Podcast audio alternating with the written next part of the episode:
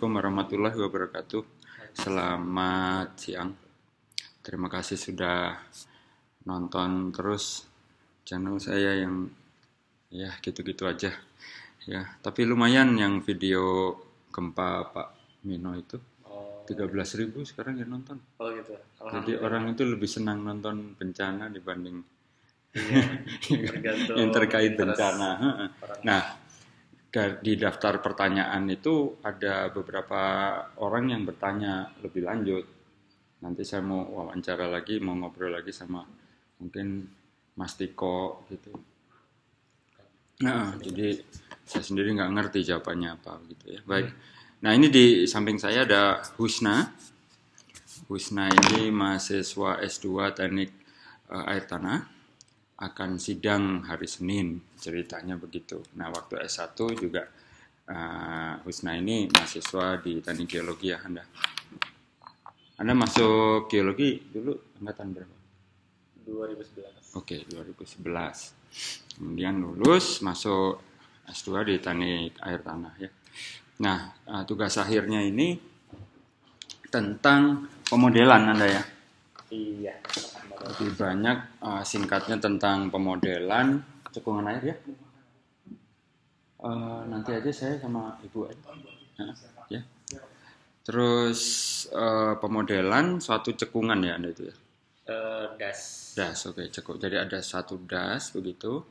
Eh, dimodelkan mungkin bayangan saya ini tebakan saya ada potensi air permukaannya, ada potensi air tanahnya begitu ya. Kurang lebih. Iya. Ya kan? Bisa. Dengan software itu ada dua macam, yaitu pendekatan SWAT ya, SWAT untuk menganalisis data air permukaan dan ModFlow untuk menganalisis data air tanah. Kurang lebih seperti itu. Nah, ini kita dengarkan sedikit Husna mau cerita. Baik, Husna. Sehat Anda? Oke, jadi eh, Jadi gi- gimana nih eh, tugas air Anda ini eh, apa intinya? jadi kan intinya tuh kita tuh mau mengintegrasikan antara model hidrologi air permukaan dengan Hmm. model air tanah. Hmm. Hidrogeologi sendiri gitu. Biasanya kalau biasanya sih kita kalau di air tanah tuh biasanya pakainya mode flow. Kalau Hmm. mode flow itu di air tanah itu biasanya kita memiliki input data permukaan yang terbatas kayak gitu. Hmm. Contoh kayak biasanya nilai curah hujan tuh di input homogen aja sepanjang Hmm. tahun Hmm. kan 2000 mm per year kayak gitu. Hmm. Dan juga atau misalkan kayak eh, data dari sungai sendiri, Hmm. ketinggian sungai sendiri itu kan kayaknya kita nebak-nebak aja atau lihat dari lapangan dan lapangan pun cuma beberapa titik aja nggak sempurna gitu maka dari itu Hmm. kita butuh eh, sebuah inputan yang baik untuk eh, interaksi ap- ap- bagaimana sih pengaruh dari air permukaan ke air tanah yang Hmm. lebih detail gitu secara Hmm. spasio dan temporal nah waktu itu saya ada baca-baca paper ada eh, namanya Bailey dari Colorado State University mereka mengembangkan Bailey. Ah, Bailey Iya. dari Colorado Hmm. mereka mengembangkan sebuah software namanya SWOT Modflow gitu. Jadi mengintegrasikan antara SWOT yang dapat memberikan input debit sungai eh, nilai resapan eh, pokoknya eh, apa input dari parameter air di zona dangkal Ya. dari curah hujan dan tata guna lahan dan lainnya terhadap eh, input dari menurut sendiri itu sendiri kayak Hmm. resapan atau misalkan eh, apa ukuran sungainya bentuk Hmm, sungai hmm, seperti itu hmm, makanya adalah software si SWOT Modflow ini makanya saya tertarik untuk mencoba apa sih eh, kelebihan dari SWOT Modflow ini apa sih yang bisa dilakukan oleh SWOT ini kayak gitu Oke, Jadi- saya saya break sedikit ya untuk untuk supaya lebih jelas. Mungkin tidak banyak ada yang tahu. Jadi jadi pendekatan Husna ini ada dua gitu ya. Yang yang apa namanya dipicu oleh kalau menggunakan satu pendekatan saja yakni observasi air tanah, maka ada komponen lain yang agak tertinggal, ya kan? Biasanya itu komponen air hujan dan air sungainya, air permukaannya. Nah itu biasanya kami di teknik air tanah itu menggunakan piranti lunak namanya Modflow, ya kan?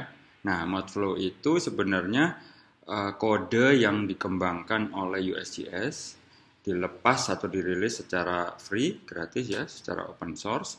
Uh, tapi kemudian diolah oleh satu perusahaan yang namanya uh, Slumbersy ya uh, sorry bukan Slumbersy pak. Slumbersy itu induknya. Ini Waterloo Hydrologic untuk dibuatkan interface gitu. Itu Modflow. Jadi Modflow itu kode kalau mau pakai harus pakai uh, harus punya skill coding begitu ya kurang lebih kemudian oleh satu perusahaan ini dibikinkan interface-nya gitu kan. Jadi saat entry data kita gampang sekali tinggal klik klik klik klik gitu. Nah kalau kita pakai software itu, maka uh, yang menjadi fokus air tanah, komponen hujan atau klimatologi dan air permukaannya menjadi tertinggal. Nah, di situ kemudian Husna ini melakukan studi literatur, kemudian ada pendekatan yang berikutnya namanya SWAT ya, SWAT. Nah, SWAT ini kurang lebih sama ya sebenarnya ya dengan Modflow ya. Uh, beda pak, sangat beda. Kalau SWAT itu biasanya digunakannya untuk assessment aliran permukaan. Okay. Contoh kalau misalkan kita punya sebuah das, kita hmm. input curah hujan, kita input land use, hmm. jenis tanah dan juga slope-nya, hmm. nanti dia bisa menggenerate uh, komponen-komponen aliran permukaan seperti okay. uh, debit sungai hmm. atau aliran lateral hmm. atau, atau resapan gitu. Jadi okay. untuk aliran-aliran pada unsaturated zone semuanya dikalkulasi oleh SWOT sementara pada saturated zone itu dikalkulasi oleh mode flow. Gitu. Oke. Okay. Nah, jadi ada dua hal yang berbeda. Yang yang yang menjadi pertanyaan saya tadi adalah apakah SWOT itu awalnya juga dikembangkan secara terbuka, secara gratis, ya free begitu seperti Modflow atau memang dia sejak awal adalah software terpisah yang harus beli? Oke, jadi SWOT SWOT-nya sendiri itu dikembangkan oleh USDA uh, okay. uh, agriculture dari Pak, Kementerian Pertanian Kementerian Pertanian Amerika Serikat ya. Hmm. Nah, nah SWOT-nya sendiri sebenarnya itu gratis gitu. Hmm. Cuma kan biasanya SWOT itu nempelnya eh, menjadi sebuah plugins kalau oh, enggak ke ArcGIS ke QGIS gitu. Kalau hmm. ke ArcGIS berarti kan kita harus beli ArcGIS-nya sendiri, hmm. lisensinya ArcGIS. Hmm. Kalau QGIS itu free gitu, totally free. Gitu. Makanya emang uh, bisa dibilang untuk SWOT-nya sendiri gratis. Cuma kalau okay. kita menggunakan SWOT itu di ArcGIS ya paling beli lisensi ArcGIS-nya oh, aja. Oke, okay. jadi jadi berbeda dengan Modflow yang sebenarnya merupakan kode yang berdiri sendiri. Kalau SWOT ini adalah semacam add-on atau plug-in gitu ya, atau toolbox kalau di istilah MATLAB, ya kan toolbox. Jadi uh, kita harus punya Piranti Lunak intinya, ya, yaitu ArcGIS atau QGIS gitu ya. Oke, okay. oke, okay, oke. Okay. Jadi itu yang anda pakai ya dua-duanya ini. Nah, eh, sejauh ini anda pakai dua itu masalah belajar peng menggunakannya sulit nggak?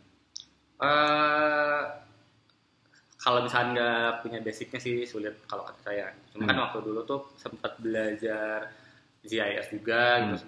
Jadi ada basic GIS-nya, ada basic mode flow-nya baru belajar gitu jadi saya udah ada basicnya tinggal ngulik lagi kayak error-errornya kayak apa hmm. misalnya gitu cuma kalau misalkan emang dari nol banget ya perlu belajar GIS sama Modflow juga sendiri gitu. Okay. Kalau SWOT itu bagaimana? Tadi kan baru GIS dengan Modflow. Kalau SWOT uh, lebih SWOT gimana? itu lebih ke pemahaman GIS sih. oh, lebih sendiri. jadi lebih banyak dominan GIS sebenarnya. Uh, karena input-inputnya sendiri dimasukkan ke SWOT itu kayak DEM DEM kan biasanya dimasukin ke gitu. DEM itu digital elevation model. Ya, ya. digital elevation model, terus land use map, hmm. soil map, kayak gitu yang dimasukkan terus layer-layer ya itu ya. Ah, layer-layer. Jadi kita hmm. masuk masukin ntar ada ada interface-nya sendiri ya. hmm, hmm. input land use input apa input apa okay, okay. dan juga kita kayak kayak input tabel ke ArcGIS berupa tabel climate data seperti itu.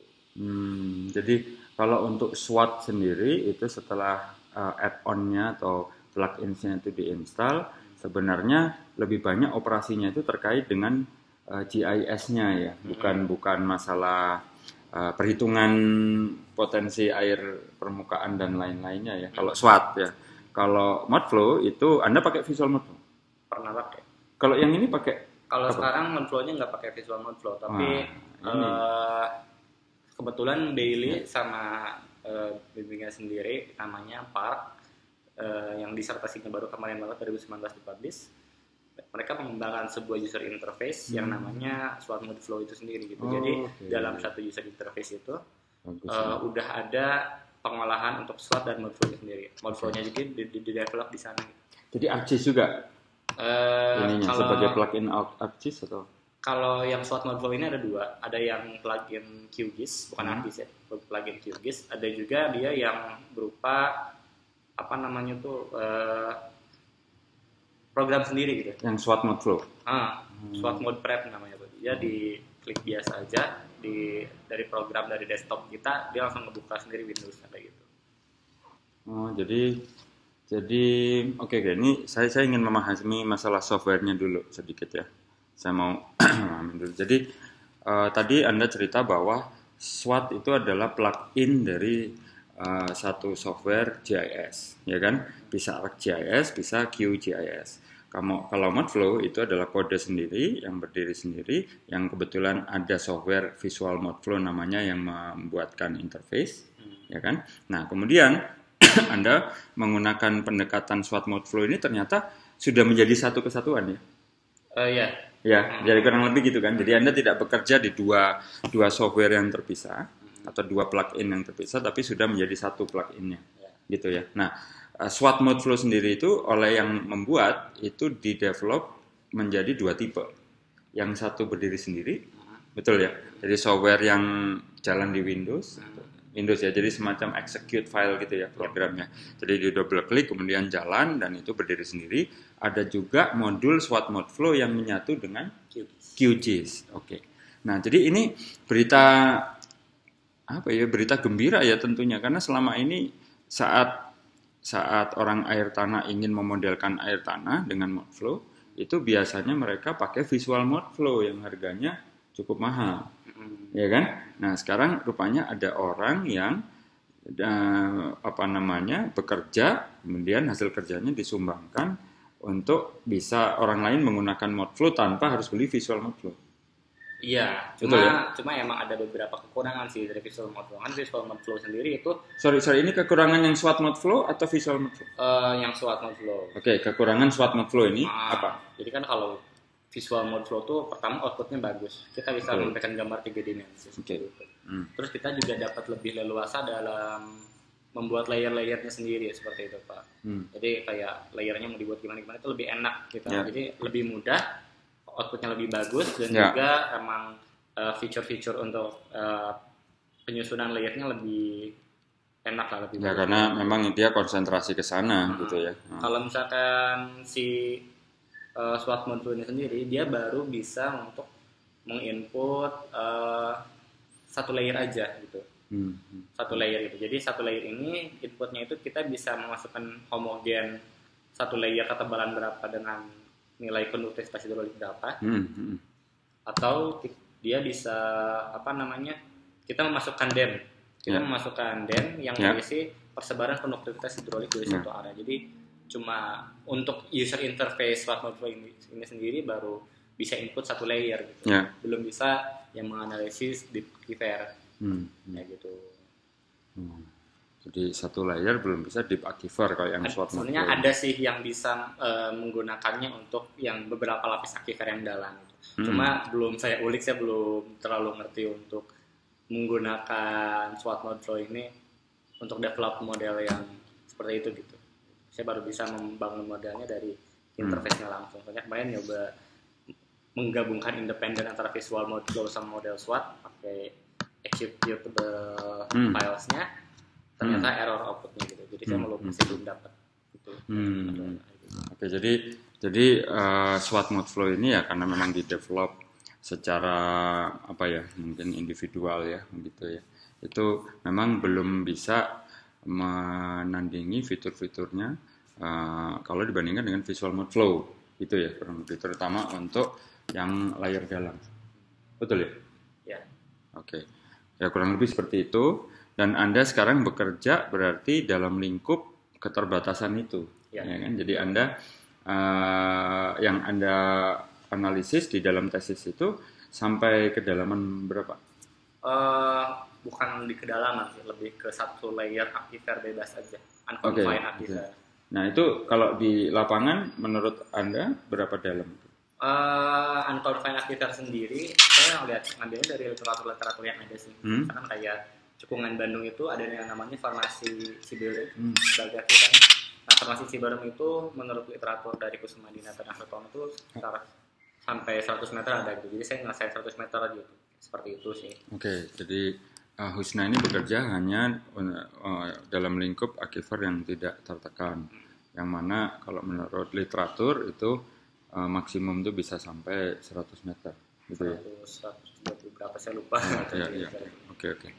Jadi uh, ya menurut saya ini terobosan ya. Terobosan dalam arti begini, biasanya mahasiswa ya tidak juga menutup kemungkinan dosen itu uh, ingin lompat cepat saja shortcut gitu ya pakai software yang yang langsung yang mahalnya begitu dan anda sekarang memberikan contoh uh, apa namanya gunakan software-software yang sebenarnya bisa didapatkan secara gratis dengan segala keterbatasan dan kelebihannya gitu ya. Nah jadi uh, bisa jadi cara anda ini tidak banyak loh yang tahu. Ya kan? Ya kan? Tidak banyak yang tahu gitu. Betul. Jadi uh, menurut saya nanti gini jadi abstrak anda itu nanti saya akan copy paste begitu ya di deskripsi video ini gitu. Nah mungkin anda juga kalau tidak keberatan ini ya saya sarankan untuk membuat semacam tutorial singkat begitu. Setidaknya ini loh website SWOT-nya begitu ya. Kemudian ini SWOT mode flow ini mode flow sendiri begitu ya. Jadi menurut saya itu akan sangat bermanfaat untuk yang lain gitu ya. Oke sekarang geser sedikit ke penelitian anda. Data dasar dari tesis anda apa? Data dasarnya sendiri pertama uh, input dari suatu sendiri ya kayak digital elevation model Oke, layar-layar itu ya uh, terus peta land use mm -hmm. peta soil mm -hmm. uh, terus peta curah hujan dan klimatologi oke okay. mm -hmm. itu untuk komponen SWOT-nya di permukaan, terus untuk komponen yang dalamnya akifernya sendiri hmm. itu ada assign dari konduktivitas hidrolik, hmm. specific storage, hmm. uh, ada juga ketebalan akifer, hmm. itu ya saya kira. Oke okay, oke. Okay. Jadi uh, sepertinya malah lebih banyak komponen SWOT-nya ya datanya. Uh, Benar ya? Iya sih sebenarnya. Ya. Cuma emang untuk yang lebih sulit itu sebenarnya lebih ngatur uh, dat input data flow sendiri. Oh. Kalau input data SWOT itu kan datanya gitu-gitu aja gitu ya, maksudnya certain gitu. Iya lainnya segitu-gitu aja gitu. Cuma emang uh, fix gitu ya. Kalau hmm. surface kan kita nggak tahu ya nilai fase hmm. pada konduktivitas hmm. hidrolik seperti apa hmm. kayak gitu. Spesifik storage-nya pada sebelahnya seperti apa hmm. itu perlu hmm uh, analisis geostatistik Betul. yang lebih baik untuk melakukan pemodelan aquifer yang lebih baik seperti itu. Hmm. Jadi kalau misalkan di SWOT sendiri itu kan uh, juga ada komponen kalibrasinya gitu. Ada ada tools untuk mengkalibrasinya. Hmm. Gitu. Ki, ki, ki, punten ki, air putih bisa. Hmm. Satu aja. Oke. Okay. Ada untuk ada komponen untuk mengkalibrasinya sendiri okay. gitu.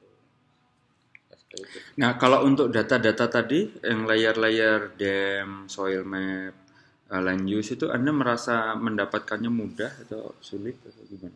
Jadi untuk DEM, DEM itu sendiri sih sebenarnya bisa dapat dari USDS ya. Hmm.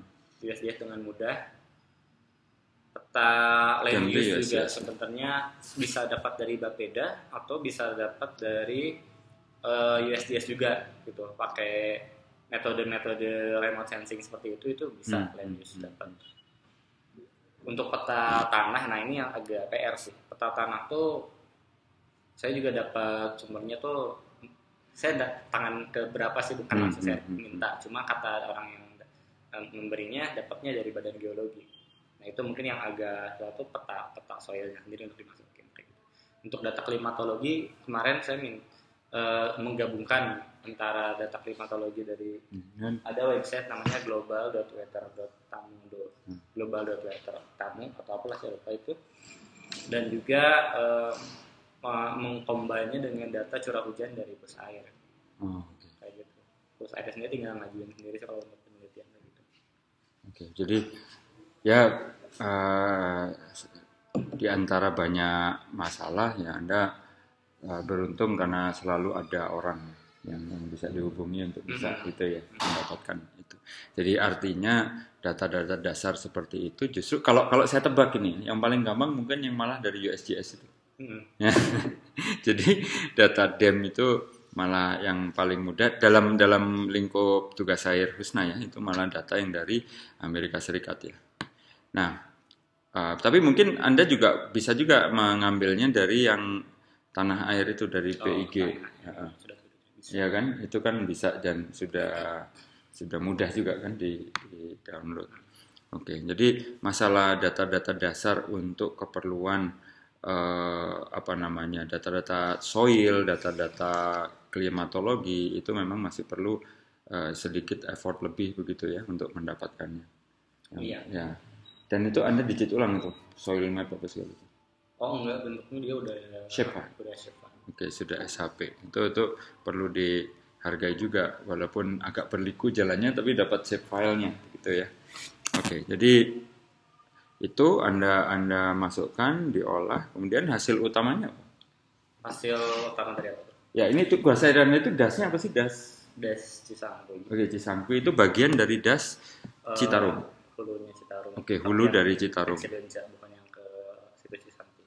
Oke, jadi ada ini das das Cisangkui. Das Cisangkuy. di Cisangkui itu adalah su- subdas dari Citarum yang yang arahnya eh, agak berbeda dari yang yang sebagian besar itu aliran sungai yang dari Citarum itu. ya. Eh, Cisangkui, jadi hasilnya apa? Hasil dari overlay data-data permukaan itu tuh ada namanya HRU. HRU itu tuh Hydrology Response Unit Hmm, yang yang di sebuah sistem dari SWOT-nya sendiri gitu. Jadi dia Hmm. mengkategorikan eh, berdasarkan tiga itu slope, eh, land use dan juga eh, soil gitu. Yang land use soil dia kategorikan lagi di, di recategorize menjadi variasi-variasi namanya HRU. Kayaknya emang Hmm. kalau misalkan kita punya land use eh, lima macam, land use lima macam, Ya. terus apa namanya slope lima macam dan Hmm. juga soil lima macam, hmm. mungkin HRU-nya ada sekitar lima pangkat tiga itu ada 125 HRU kayak gitu. Tidak Itu hydrologic respon gitu. response unit. Oke. Nah, artinya secara eh, sederhana ini bagi orang awam itu bagus atau jelek atau apa? Apanya pak? Ya tadi ada sekian HRU tadi di Das Cisangkui. Oh, nggak bagus dan jelek sih. Biasanya itu cuma informasi aja bahwa ada Heeh. ada beberapa ratus variasi HRU kayak gitu. Itu cuma cuma cuma Hmm. informasi aja. Nah, kemudian itu Anda olah lagi menjadi sesuatu atau Enggak, H- HRU ini yang menjadi dasar perhitungan SWOT-nya sendiri pak. Oke, jadi HRU ini bahan bahan setengah jadinya ya. Hmm, Jadi eh, kan curah hujan nyentuh ke permukaan nih. Hmm. Nah pada saat eh, si curah hujannya sendiri udah men- menyentuh permukaan, menyentuh si HRU ini sendiri, Hmm. dia langsung apa namanya melakukan perhitungan Hmm. simulasi numerik kayak gitu, Hmm. melakukan perhitungan numerik gitu. Nah perhitungan sendiri gitu kan kayak kalau kita eh, mengetahui aliran semu permukaan kan kayak eh, luas penampang dikalikan konduktivitas hidrolik dikalikan Hmm. apa seperti itu. Nah ini juga sama seperti itu gitu. Nah, Hmm. HRU ini eh, adalah istilahnya kayak mungkin permeability-nya kali ya, permeability dari permukaan. Pengelompokan berarti ya, Ah, area. Itu kan ya. spasial ya, betul ya. Hmm, Jadi spasial, ah, ya ya. Jadi nanti HRU yang berbeda akan memberikan nilai resapan yang berbeda. gitu. Makanya emang powernya dari SWOT ini sendiri adalah Hmm. dia bisa mempertimbangkan land use gitu. Pada saat cloud flow kan nggak ada land use sebenarnya. Hmm, hmm, Kayak hmm. gitu. Makanya emang kenapa sih menjadi namanya spasio-temporal. Nah, makanya Hmm. karena dia secara waktu dia nilai resapannya berubah dan secara area nilai resapannya berubah juga beda-beda. Oke.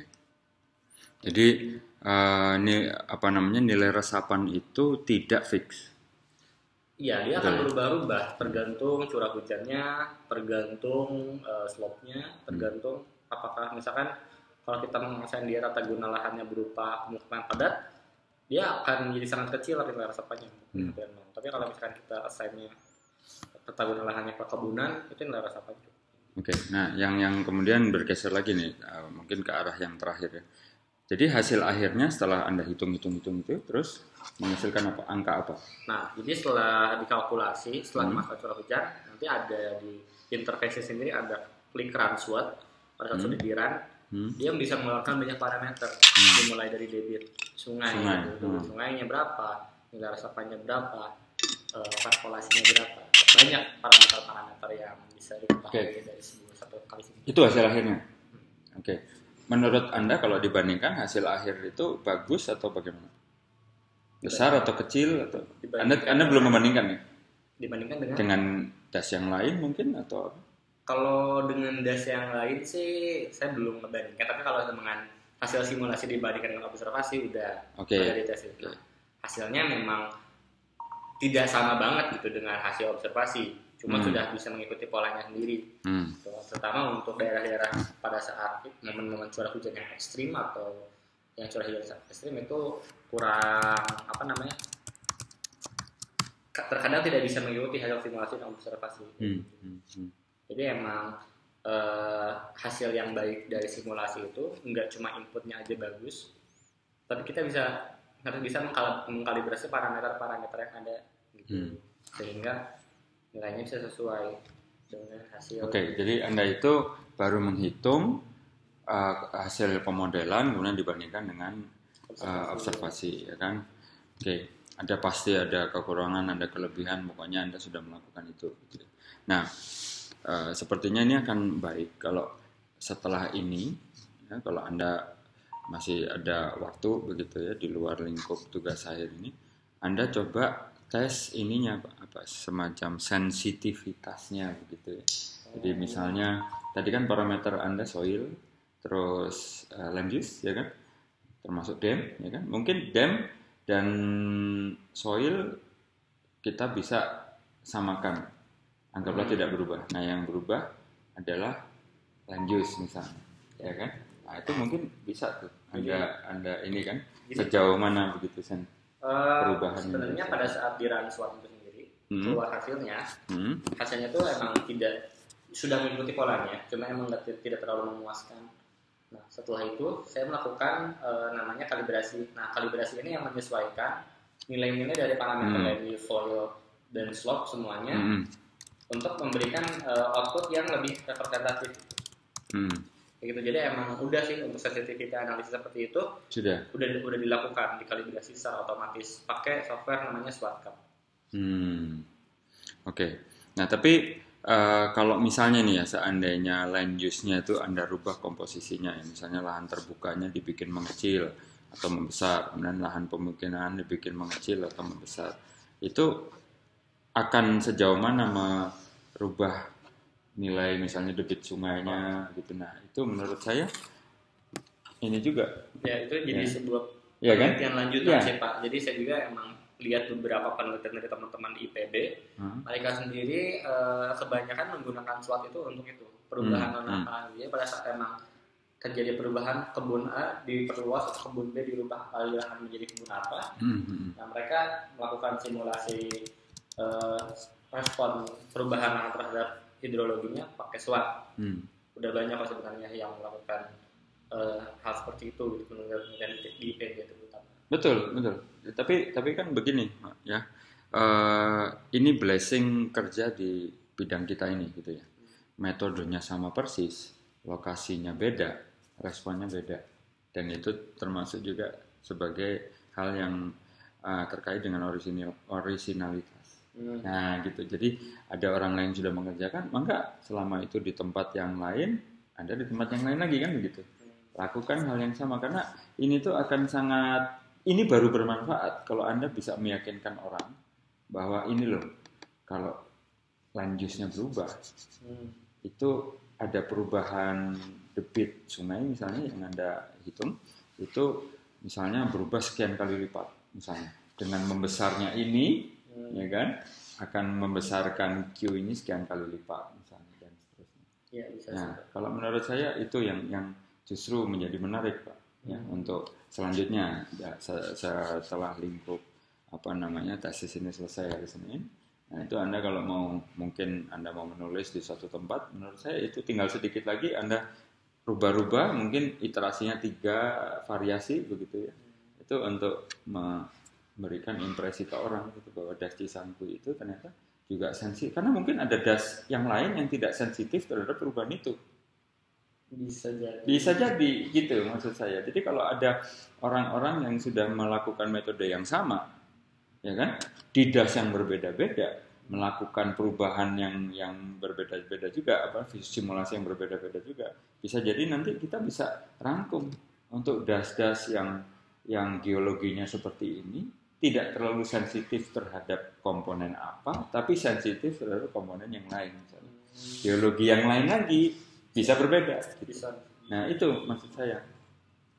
Ya jadi eh, apa namanya? Karena ini ada bimbingan saya yang lain, ya, yang S3 dengan Pak Denny Juanda itu eh, sepertinya akan bagus juga. Karena dia ngumpulin data-data itu kan DEM juga, terus selain geos dan lain-lain. Sepertinya akan bagus kalau ada sisipan ini yang anda lakukan ini di beberapa das begitu. Akan bagus. Ya bagus ini. Jadi Anda bisa melanjutkan. Eh, jadi kurang lebih seperti itu, ya Iya kan? Ya, jadi tapi gini, di antara hal yang paling sulit di bagian Anda ini tesis Anda ini kan ngumpulin data. Bisa jadi Hmm. data sekunder ya. buat ngumpulin data Yang yang sulit itu apa? Bagian apa yang paling sulit? Ya sebenarnya ngumpulin data gitu-gitu aja ya. Cuma yang kemarin cukup sulit itu ya itu sih memahami tentang Sampai eh iya sih kalau inputnya udah bagus sebenarnya lebih enak depannya. Cuma kemarin kan saya ngambil datanya dari literatur. Makanya emang pas keluar outputnya kok gini ya? Misalnya ada- kadang-kadang debitnya terlalu besar yang keluar. Hmm. kadang-kadang debitnya terlalu kecil juga gitu. hmm, oke. makanya emang pada saat kita memiliki inputan dari yang lebih baik dari lapangan seperti itu maka kita akan memberikan respon apa hasil yang lebih baik. Kita kan tahu kalau apalagi di zona vulkanik itu mungkin enggak semua apa segmen sungai itu eh, pada batuan yang sama. Kan kadang-kadang suka ada tiba-tiba ada lava Ya. gitu. Ada apa sisipan-sisipan lava di beberapa lokasi kayak gitu. Yang mana itu membuat air sungai jadi tidak bisa ke mana-mana. Hmm, Ya kan? dan juga berarti kan dari nilai resapan di tempat itu dirinya harusnya nol gitu. Ya. Tapi pada saat saya lakukan simulasi ternyata itu terjadi resapan. Itu Nah, kan itu menjadi kan aneh. sebuah problem lain Hmm. kayak gitu. Makanya emang dan kita juga untuk apa namanya merekonstruksi akifer yang ada perselingan lavanya cukup sulit juga sebenarnya kayak gitu karena eh, ya mungkin bisa sih pakai prediksi vulkanostratigrafi cuma kembali kita harus memahami juga sampai sejauh mana sih eh, persebaran lavanya gitu dimulai persebaran lavanya di sebelah Jadi men-setup model konseptual juga Ya. sulit. Ya, kan? itu. itu yang paling sulit mungkin. Baik. Tapi itu kesulitan kebanyakan ada di kita bolanya gitu ya. Kalau yang data sekunder tadi ada sebagian orang lain bolanya yang menentukan itu tingkat kesulitannya kan. Jadi sebisa mungkin memang orang-orang seperti Husna ini dibantu dengan penyediaan data-data sekunder yang yang ya dimudahkan saja gitu. Ya kan? Bisa dicari, bisa di-download, langsung save filenya dan seterusnya begitu kan. Oke, terima kasih ini eh, Husna. Saya belajar banyak dan terutama ini masalah itu ya, penggunaan tools yang ternyata selama ini ada yang gratisnya kan begitu ya. Nah, itu tidak banyak orang tahu dan mudah-mudahan Husna setelah ini atau setelah sidang juga berkenan membuat eh, semacam tutorial pendek lah begitu ya, sekilas di-download di mana, bagaimana menginstalnya begitu ya. Kemudian uh, menunjukkan setup model konseptual Anda bagaimana. Karena mestinya sih tutorial yang lain sebenarnya sudah banyak dibuat ya sebenarnya. iya udah ada Betul, ya? tutorial tutorial Bentuk teks atau video? teks Teks. Nah, jadi kalau yang sifatnya teks itu sudah banyak juga gitu, ya kan? Jadi uh, tinggal sekarang orang dipicu untuk mau nyoba nyari, mau nyoba menginstal dan seterusnya. Karena kalau anda nggak nggak akan berkembang, ya kan? Dan jangan lupa juga menyampaikan kredit anda terhadap orang Colorado State tadi. Ya. Ada di Twitter nggak ya? kalau Coba dicek kak. Coba saya nggak dicek. Twitter sih tapi nggak tahu Coba dicek. Tapi saya pernah email-emailan sama dia sih waktu Nah, dulu, dulu kan bagus itu, itu bagus. kendala kayak dia bikin versi barunya Nah, saya itu nunggu bagus. versi baru dia dia kayak ketemu lagi sadar kita Ya, iya bagus bagus. Ya, tinggal anda sekarang sampaikan bahwa ini sudah selesai, hasilnya kurang lebih seperti ini. Ada banyak kelebihan, tapi kekurangan juga ada, kan begitu kan? Jadi jangan lupa Anda sampaikan juga waktu sidang nanti keterbatasannya. Pak. Jangan lupa itu. Ya, jadi riset yang hebat itu bukan hanya bisa memberikan hasil tapi berani menyampaikan bahwa ini nggak menjawab semua hal gitu karena ada keterbatasan software, ada keterbatasan data dan seterusnya. Ya. Oke, sip. Sukses hari Senin jam 9. Oh, jam 11, oke. Baik, terima kasih sudah nonton agak panjang ini. Tapi akan saya rilis juga versi suaranya, jadi supaya nggak usah nonton, cukup mendengarkan aja, bisa dipakai lari-lari begitu. Terima kasih. Assalamualaikum warahmatullahi wabarakatuh. Selamat siang.